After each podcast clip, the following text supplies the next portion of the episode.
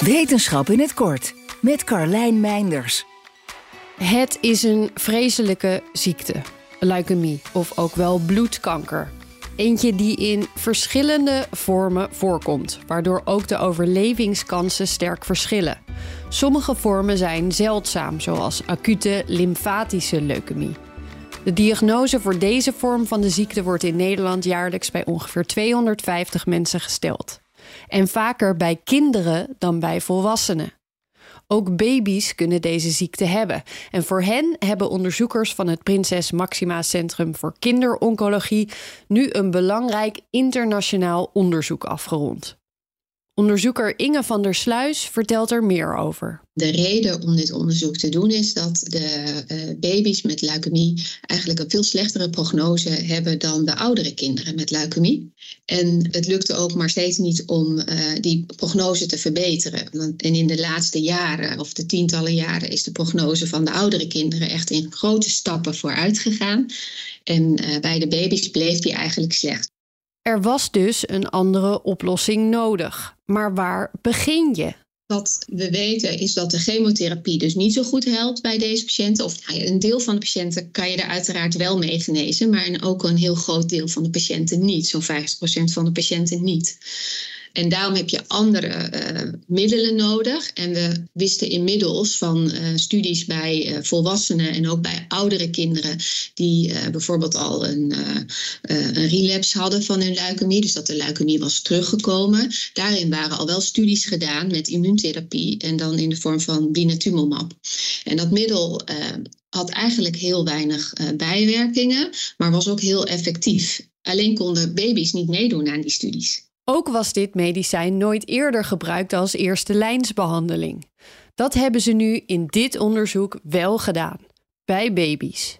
Zoiets doe je natuurlijk alleen als je er vertrouwen in hebt dat dit betere resultaten oplevert dan de huidige behandeling. Dat het veilig is en altijd in overleg met de ouders. En gelukkig zagen ze die betere resultaten ook uit het onderzoek komen. De kinderen kregen eerst één maand een standaard chemotherapie en daarna één maand uh, zo'n infuus met uh, de immuuntherapie. Uh, en daarna gingen ze weer door met de standaard chemotherapie.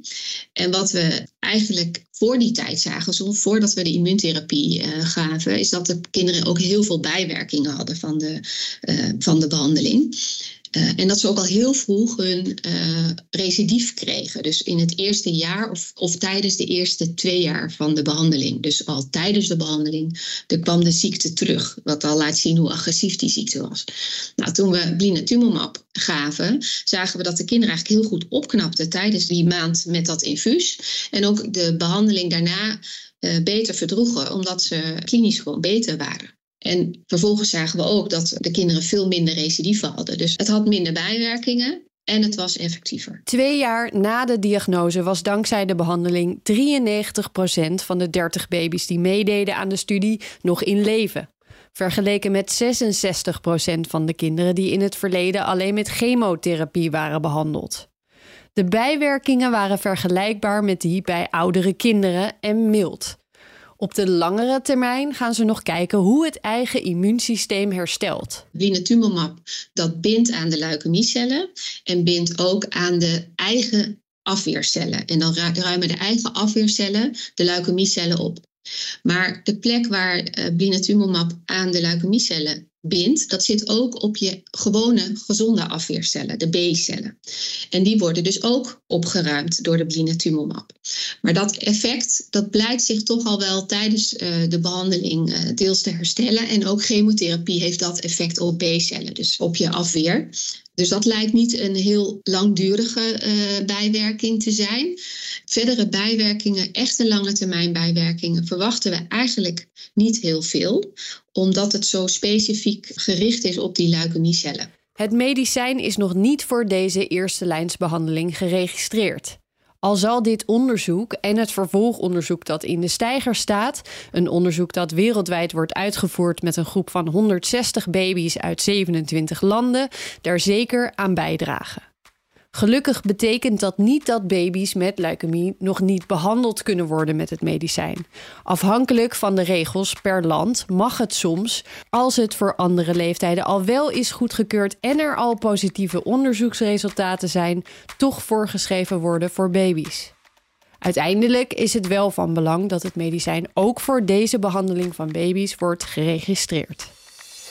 Wil je elke dag een wetenschapsnieuwtje? Abonneer je dan op Wetenschap vandaag. Spotify is partner van Wetenschap vandaag. Luister Wetenschap vandaag terug in al je favoriete podcast-apps. Bij BNR ben je altijd als eerste op de hoogte van het laatste nieuws. Luister dagelijks live via internet. Jelle Maasbach. Wesley Weert. We zijn er voor je met het leukste, opvallendste, maar natuurlijk ook het belangrijkste nieuws. Tijdens de presentatie van die halfjaarcijfers toen die beurskoers in elkaar kukkelde. BNR Beurs. Voor de slimme belegger. Blijf scherp en mis niets.